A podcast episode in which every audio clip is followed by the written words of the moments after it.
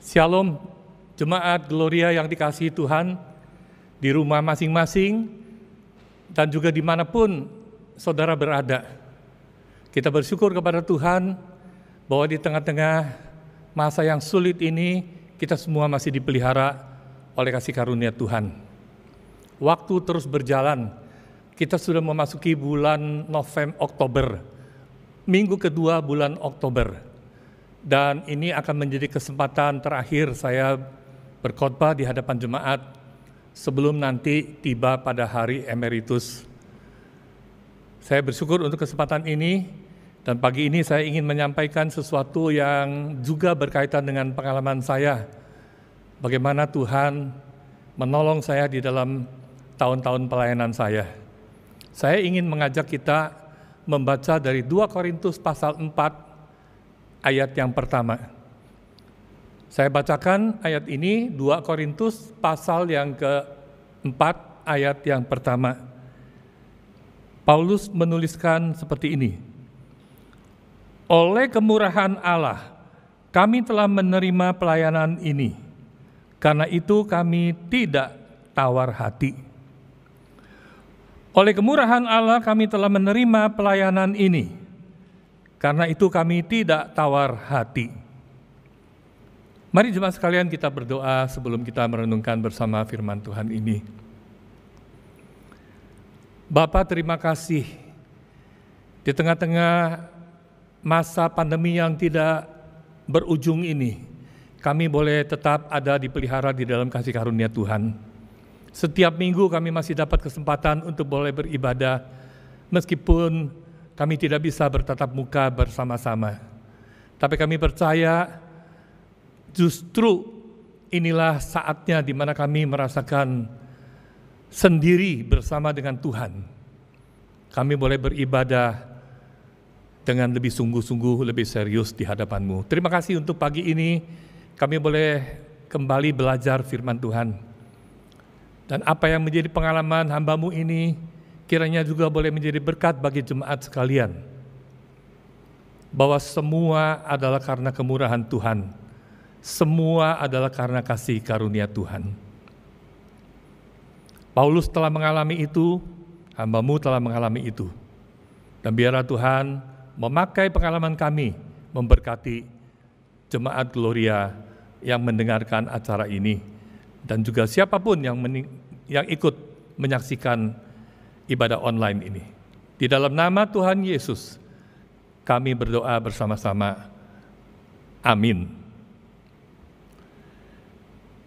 Bapak Ibu sekalian, saya ingat pada waktu kuliah di seminari, semester kedua kami diajarkan bagaimana cara berkhotbah. Kami belajar ilmu berkhotbah. Lalu di semester ketiga kami mendapat kesempatan untuk latihan khotbah. Saya ingat sekali pertama kali saya selesai latihan khotbah, saya ditertawakan. Ditertawakan oleh dosen, ditertawakan oleh teman-teman sekelas. Rupanya karena begitu gugupnya, saya berkhotbah dengan suara yang kecil, yang tidak pede sama sekali. Jadi, sejak awal saya sudah tahu kalau saya itu tidak punya talenta khotbah. Saya tidak bisa berbicara fasih seperti teman-teman yang lain yang berkhotbah dengan begitu mengalir, enak didengar. Saya tidak punya karunia itu. Dan waktu di seminari saya juga menyadari bahwa saya ini juga nggak punya kemampuan untuk hal komputer. Saya sama sekali asing dengan komputer. Dan pada waktu saya di seminari itulah saya belajar bagaimana memakai komputer hanya untuk mengetik tugas. Tidak lebih dari itu. Saya hanya bisa mengetik dalam bentuk artikel, paper, dan sebagainya. Jadi saya sangat minim pengetahuan tentang komputer sampai hari ini. Dan di atas semuanya, saudara-saudara, saya berani mengatakan kalau saya tuh sebenarnya tidak qualified untuk melayani. Di dalam banyak hal saya tidak memenuhi syarat untuk bisa menjadi seorang hamba Tuhan yang qualified.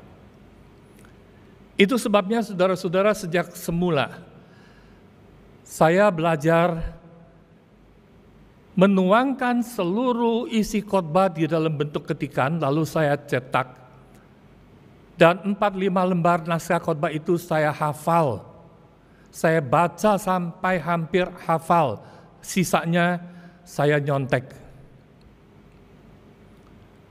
Sejak dahulu pertama kali saya lakukan itu, ada begitu banyak naskah khotbah yang tersimpan sampai hari ini. Dengan kata lain, saya mau katakan, setiap kali khotbah, saya selalu sadar kalau misalnya khotbah saya itu jelek, memang begitu adanya. Memang saya tidak bisa khotbah. Saya tidak punya bakat untuk berkhotbah. Tapi seandainya khotbah saya itu bisa memberkati jemaat yang mendengar, maka saya tahu itu pasti bukan pekerjaan saya. Itu adalah pekerjaan Roh Kudus. Puji Tuhan. Dan itulah saudara-saudara yang memodali saya di tahun-tahun pelayanan yang berjalan. Dan sambil terus melayani, sambil terus belajar, belajar dari firman Tuhan, saya menemukan apa yang dijabarkan di dalam Alkitab yang memberikan kepada saya satu kekuatan, satu penghiburan. Saudara saya membaca kitab nabi-nabi, disebutkan di situ Elia orang Tisbe, Yeremia dari Anatot, Amos dari Tekwa, Mika orang Moreset.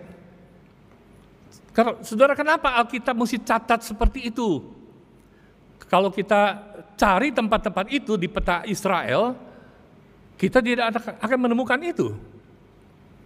Dan nampaknya itulah maksud Alkitab mencatat dengan detail yang seperti ini. Elia orang Tisbe, Yeremia dari Anatot, Amos dari Tekoa, Mika orang Moreset, Saudara-saudara, sebutan-sebutan seperti ini bertujuan menekankan satu hal, bahwa mereka adalah orang-orang biasa, mereka adalah orang-orang desa, mereka they were nobody. Mereka bukan siapa-siapa, mereka hanya orang biasa. Tetapi orang biasa yang dipakai oleh Allah. Kita menyatakan saudara-saudara tidak ada orang yang layak di hadapan Tuhan, tidak ada. Semua adalah orang-orang berdosa. Dan justru itu yang ada hanya orang berdosa yang dilayakan oleh Tuhan. Yang diperlengkapi untuk dipakai melayani kerajaannya. Bukan karena kelayakan kita, tetapi kita yang dilayakan oleh Tuhan. Paulus mengatakan dia adalah orang yang seperti itu. Dia adalah seorang musuh Tuhan yang dengan begitu semangat membawa satu surat tugas resmi dari imam besar pergi untuk mencari, menangkap orang-orang Kristen, memenjarakan mereka. Kalau perlu menganiaya mereka sampai mati. Dia adalah seorang musuh Tuhan yang menganiaya gereja Tuhan. Tapi kemudian kasih karunia menjamah dia. Dan sebagai respon daripada kasih karunia Tuhan atas dirinya itu, maka apa yang Tuhan perintahkan kepada dia, dia kerjakan dengan sepenuh hati. Saudara dibandingkan dengan Paulus, saya jauh kalah dengan dia. Paulus adalah seorang yang sangat memahami ajaran-ajaran Perjanjian Lama. Dia pernah mengatakan bahwa dia itu dididik langsung di bawah Gamaliel. Gamaliel zaman itu adalah seorang teolog besar, seorang guru besar yang mengajarkan ajaran Perjanjian Lama. Dia adalah murid dari Gamaliel langsung. Dan dia juga pernah mengatakan, saya mengikuti Masaf Farisi yang paling keras. Dengan kata lain, saudara-saudara, Paulus itu sudah punya banyak pengetahuan tentang kitab suci. Saya tidak punya itu. Tetapi kalau kita perhatikan, Paulus tidak mengucapkan itu sebagai satu kebanggaan dia. Dia menyebut itu, menyinggung itu hanya di dalam konteks berapologetika. Ketika dia berbicara menjelaskan status dirinya di hadapan orang-orang Yahudi, dia pernah menyebutkan istilah itu. Saya dididik di bawah Gamaliel. Saya mengikuti masaf Farisi yang paling keras. Itu sama sekali tujuannya bukan untuk membanggakan, tetapi adalah di dalam rangka strategi bagaimana berdialog dengan orang-orang Yahudi. Dia tidak pernah banggakan hal-hal itu. Dia sendiri mengatakan, semua yang dahulu aku anggap keuntungan, sekarang aku anggap sampah. Yang kita sering membaca justru dia sering mengatakan apa yang dia alami, apa yang dia derita. Dia pernah ditangkap, dia pernah dipenjara, dia pernah mengalami kalam kapal, karam kapal, dia pernah kelaparan, dia pernah dipukuli, dia pernah dilempari batu sampai hampir mati. Semua itu justru saudara-saudara yang nampaknya menjadi kebanggaan dia. Dia bangga melayani Tuhan, dia bangga mengalami itu demi Tuhan, demi pelayanannya, demi pemberitaan Injil. Tapi di atas semua, Paulus adalah orang yang sangat tahu siapa dirinya. Itu sebabnya dia mengatakan, oleh kemurahan Tuhan, kami menerima pelayanan ini. Semua adalah karena kemurahan Tuhan, semua adalah karena kasih karunia Tuhan. Saudara Paulus sangat menghayati ini, dia sangat mengerti ini. Dan saya juga mau memperlakukan diri saya, menempatkan diri saya pada posisi seperti Paulus.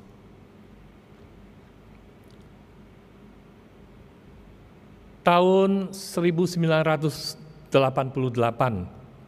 saya meninggalkan Jakarta menuju saat Malang. Saya bertobat tahun 85.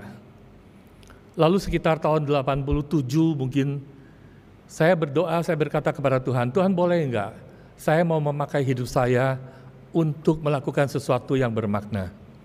Saya ingin menjadi berkat bagi orang lain.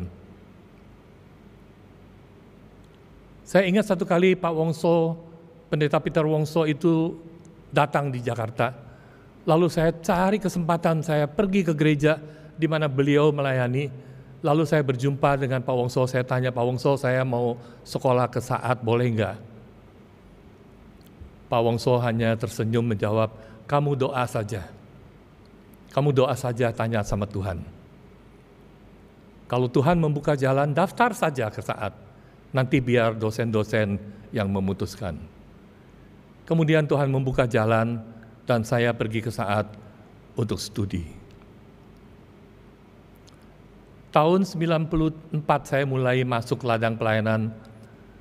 Saya melayani di GKA Immanuel Lawang. Sampai tahun 1997, pertengahan tahun saya pindah bergabung ke GKA Gloria. Tahun terus berganti, sekarang sudah sampai pada tahun 2020. 23 tahun saya bergabung di GKA Gloria, mulai tahun 1997. Dan sekarang saya memasuki minggu-minggu terakhir menjelang emeritus.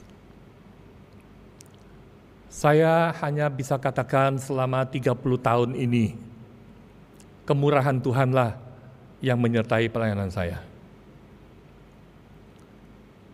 Saya sungguh-sungguh bersyukur kepada Tuhan untuk perjalanan hidup yang Tuhan izinkan ini.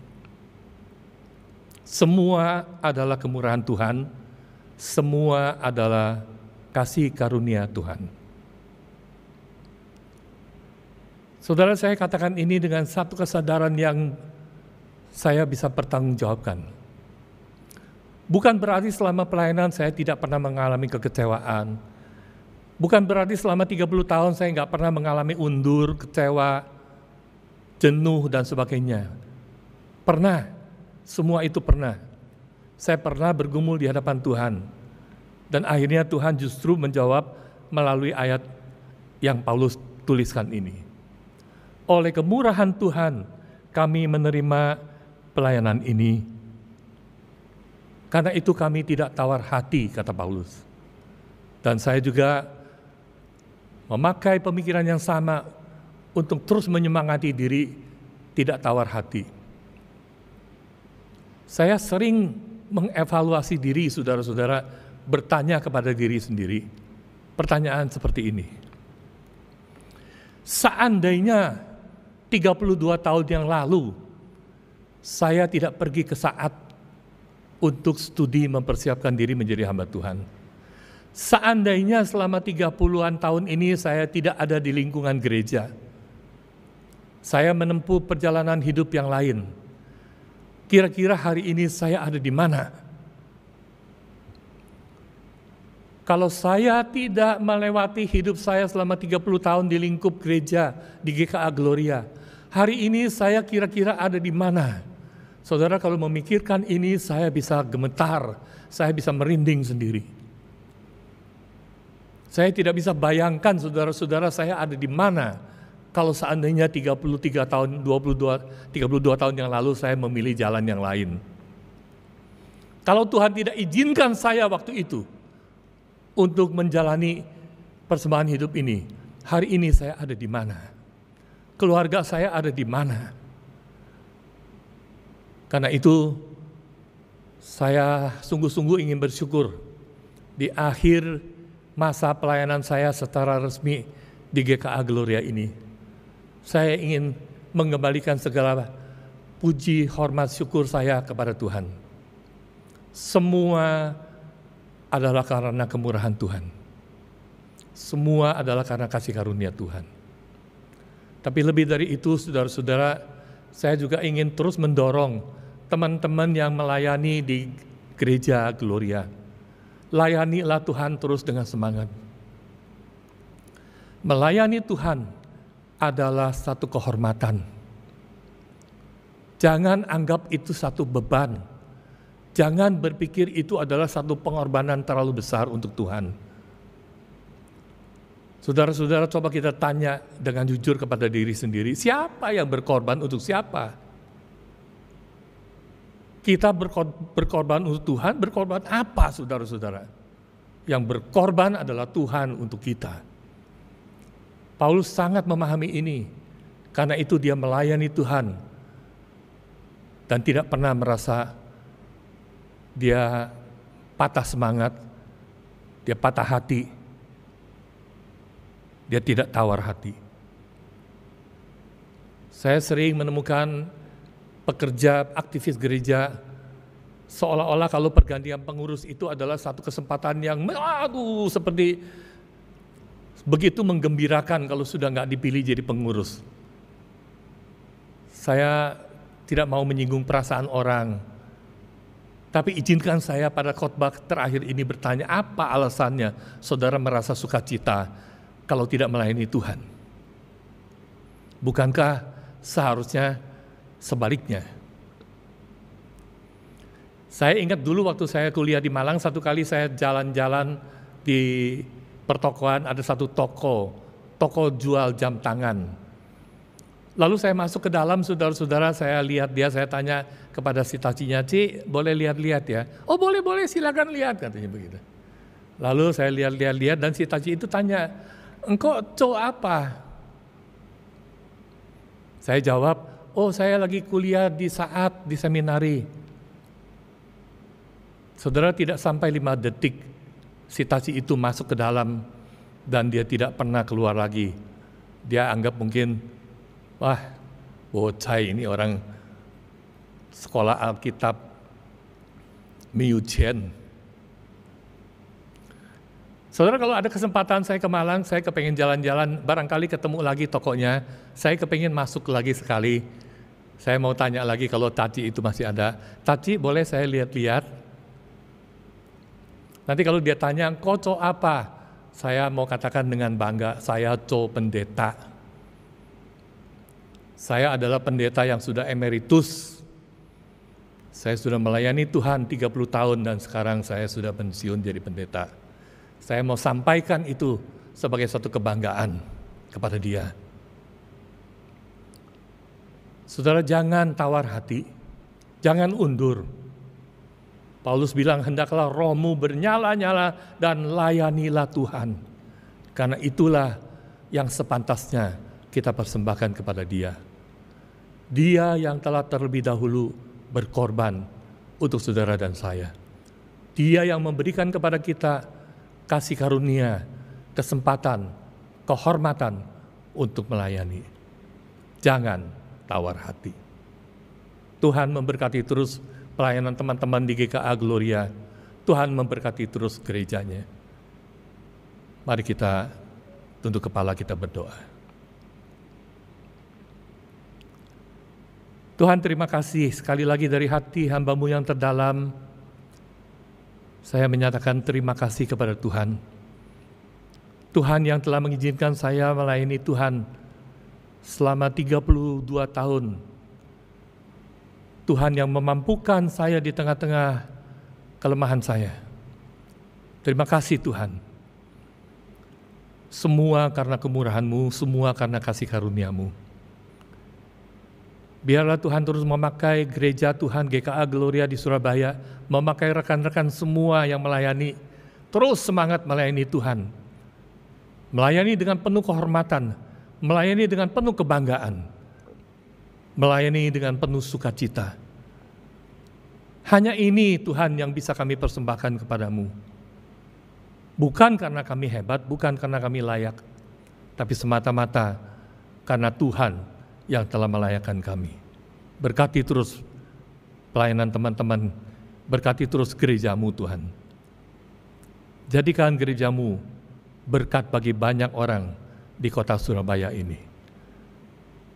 Demi nama Tuhan Yesus, Tuhan yang hidup, Raja yang kami sembah dan kami layani, kami berdoa bersama-sama. Amin.